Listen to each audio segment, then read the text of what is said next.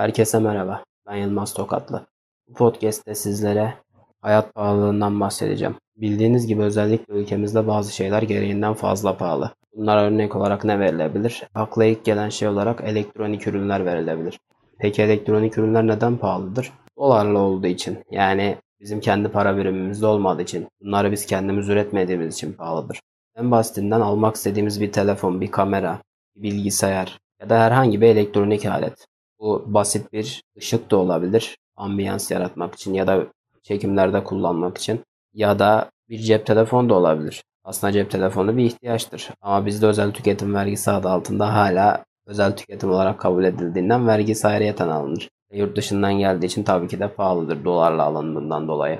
Temel ihtiyaç düzeyinde denebilecek şeylerin bile hala pahalı olması hayatın haliyle biraz daha zor bir sürece girmesine sebep oluyor. Bir süredir bazı şeyler evet pahalı ama özellikle son 5 senede daha önceden 5 bin lira, 7 bin lira bandında bulunabilen telefonlar şu anda 17 bin lira, 15 bin lira bandlarında bulunabiliyor. Tabii ki iPhone'lardan bahsediyorum. İnsanlar tarafından büyük oranda talep gören ve fiyatı en yüksek olan cihazlar oldukları için onlardan örnek veriyorum. Diğer örnek ise Android telefonlar. Android telefonlar iPhone'lara göre daha çok insan tarafından tercih ediliyor. Daha çok insan tarafından kullanılıyor. Gerek açık kaynak kodlu olmasından gerek bazı şeylere korsan denecek yollarla erişilebilmesinden gerekse iPhone'lara ve diğer telefonlara nazaran amiral gemisi denecek telefonlara nazaran uygun fiyatlı cihazlar da bünyelerinde barındırıyor olmalarından dolayı. Ama onların fiyatına baktığımızda da onlar da bir hayli uçuk. Önceden 3500-4000 lira hatta bazen duruma göre 3000 lira bandında hiç de kötü denemeyecek fiyat performans denebilecek cihazlar alınabiliyorken şu an bu cihazlar 3000 lira değil 5000 liraya bile zor bulunur hale geldi. Bu da hayatın ne kadar pahalı olduğunu ve hayat pahalılığının artık nereden nereye gittiğinden net göstergesi sanırım. Yani tabii ki hep elektronik üstünden gidiyorum ben ama bu biraz da benim hem ilgi alanım hem takip ettiğim insanlardan dolayı bilgi sahibi olduğum bir konu olduğu için. Elektroniğe geçtim. Elektroniğe gelene kadar bir sürü şey var. Benzini var, elektrik faturası var, doğalgaz faturası var, su faturası var, internet faturası var, telefon faturası var. Var Allah var. Hepsini geçtim. Giyimi, kuşamı ve diğer bütün saydığım şeyleri geçtim. Gıda konusunda da büyük sıkıntı mevcut. Ben çocukken 1 liraya çok çok güzel ve markalı denebilecek çikolatalar alınabilirken en basitinden örnek vermek gerekirse şu anda onları 2,5-3 liradan aşağıya almak mümkün değil. Burada nereden bakarsanız 2,5-3 katı bir fiyat söz konusu. Ve haliyle bayağı da büyük bir zam var burada.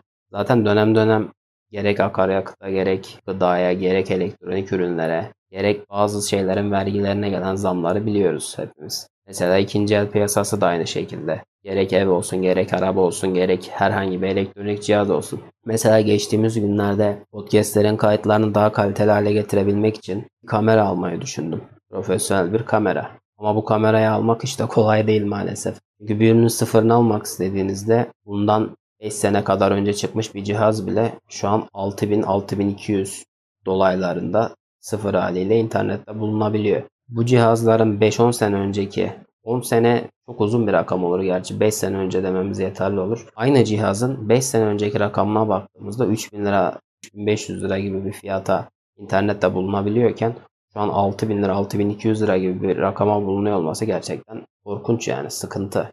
Tamam fotoğraf makinesi basit bir ürün değil. Tabii ki pahalı olacak ama bu kadar da bu denli pahalı olması 5 sene önce çıkmış eskimiş denecek bir cihazın bu kadar pahalı olması tabii ki de kolay erişilemez hale getiriyor onu. Aynı bahsettiğim fotoğraf makinesinin ikinci eline bakacak olursak bu da yine 6200 dolaylarında olan fiyatı maksimum 5500 hadi bilemediniz 5300 olsun. Dolaylar ne kadar indiriyor. Ama burada da şöyle bir durum var. Mesela bu aynı şekilde bir ev alırken de geçerli, bir araba alırken de geçerli. Haliyle bir fotoğraf makinesi alırken de geçerli. Ürünü ikinci el alacaksanız o ürünü iyi incelemeniz gerekiyor. Sıkıntısı var mı? Yarın bir gün size bir sıkıntı yaratır mı ya da verdiğiniz para boşa gider mi diye bunu bilmeniz, anlamanız gerekiyor ki bu ürüne boşa para vermiş olmayasınız. Ağzınız yanmasın. Fotoğraf makinesi de yine özellikle ben araba örneğine benzetiyorum. İkinci el arabada olduğu gibi işte kilometresi oynanmış mı? Motorunda bir sıkıntı var mı? Motoruna su girmiş mi? Şurası şöyle olmuş mu? Boyası var mı? Gibi bir sürü nasıl önemli noktası varsa fotoğraf makinesinde de önemli bazı noktalar varmış araştırdığım kadarıyla. E bunlara da bakmadan alma şansın olamayacağı için kendinle aynı şehirde bir satıcı bulamadığın için her zaman bu da pek mümkün olmuyor. E bunu kargo ile gel, geldi geri gitti vesaire desen bunlar da uzun iş. Ki bazı satıcılar bunu kabul etmek zorunda da değil. İkinci el konusu da bu şekilde hayal olunca sıfırı zaten dediğim gibi 6200-6300 liralardan bahsediyoruz. 5 sene önce çıkmış. Artık eskimiş denen bir makine için. Haliyle böyle bir durumda engel olduğu için buna ulaşmak neredeyse imkansız bir hal alıyor. Şimdi şöyle düşünenler olabilir. 6200 lira olmuş 5 sene önce çıkan bir makine. O zaman daha alt segment ya da öbüründen daha düşük bir model ama daha yakın bir zamanda çıkmış bir makineye birazcık fark daha verip sıfır olarak alsan diye düşünürseniz onda da şöyle bir sıkıntı var. Şimdi bu 6200 lira örneğini verdiğim makineye bir diğer alternatif olarak daha kompakt. Bu ilk örneğini verdiğim makine DSLR bir makine.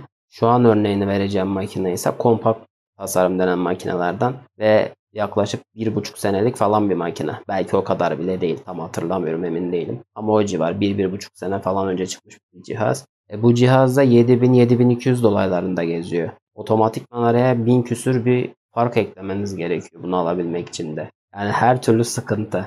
Bunların da yine ikinci eli var ama 1000 küsür lira gibi bir fark oluyor. Ve bunda da her ne kadar kompakt cihazlar da olsa aldığınız kişinin hani o makineyi ne kadar temiz kullandığını bilemezsiniz ya da ne bileyim bir dolandırıcıya denk geleceğinizi bilemiyorsunuz. O yüzden bu riske girmek de çok mantıklı değil. Ki günümüzde 6 bin lira, 7 bin lira gibi birçok insan için büyük denecek rakamlardan bahsediyoruz burada. Bu da büyük sıkıntı. Yine hayat pahalılığına verebileceğimiz bir başka diğer örnek.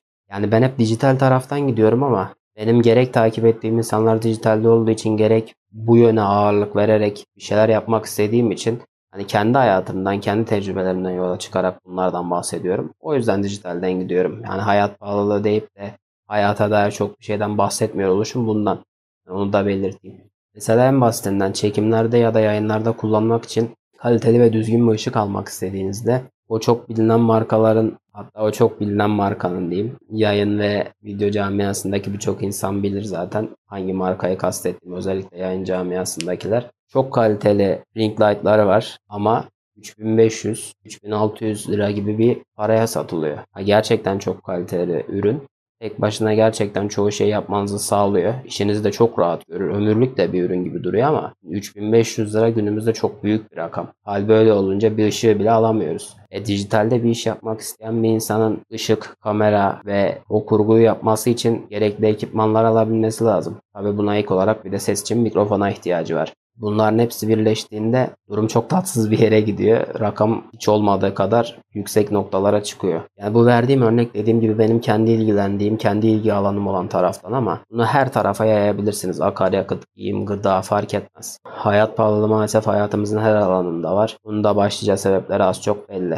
Her şeyi yurt dışından alıyor olmamızdan kaynaklı olarak. Dövizin yüksek olmasından ve biz bir şey üretmediğimiz için ülke olarak paramızın değersiz olmasından kaynaklanan bir durum bu. Buna maalesef bizim çok da yapabilecek bir şeyimiz yok. Bu podcast'te gerek hayat pahalılığından gerek yayın ve yayıncılık üzerine iş yapan insanların ekonomik olarak yaşadığı bazı sıkıntılardan bahsetmek istedim. Umarım beğenmişsinizdir. Podcast'ı sonlandırmadan her nereden takip ediyorsanız oradan takibi almayı, podcast'ı paylaşmayı ve özellikle indirmeyi, indirmek çok büyük bir etkileşim sağlıyor gerçekten. Eğer YouTube'dan izliyorsanız kanala abone olmayı, videoyu beğenmeyi ve paylaşmayı unutmayın. Varsa söylemek istediğiniz herhangi bir şey YouTube'daki yorum bölümünden ya da tüm sosyal mecralardan Yılmaz Tokatlı kullanıcı adıyla bana ulaşabilirsiniz. Başka bir podcast'te görüşmek üzere. Kendinize iyi bakın. Hoşçakalın.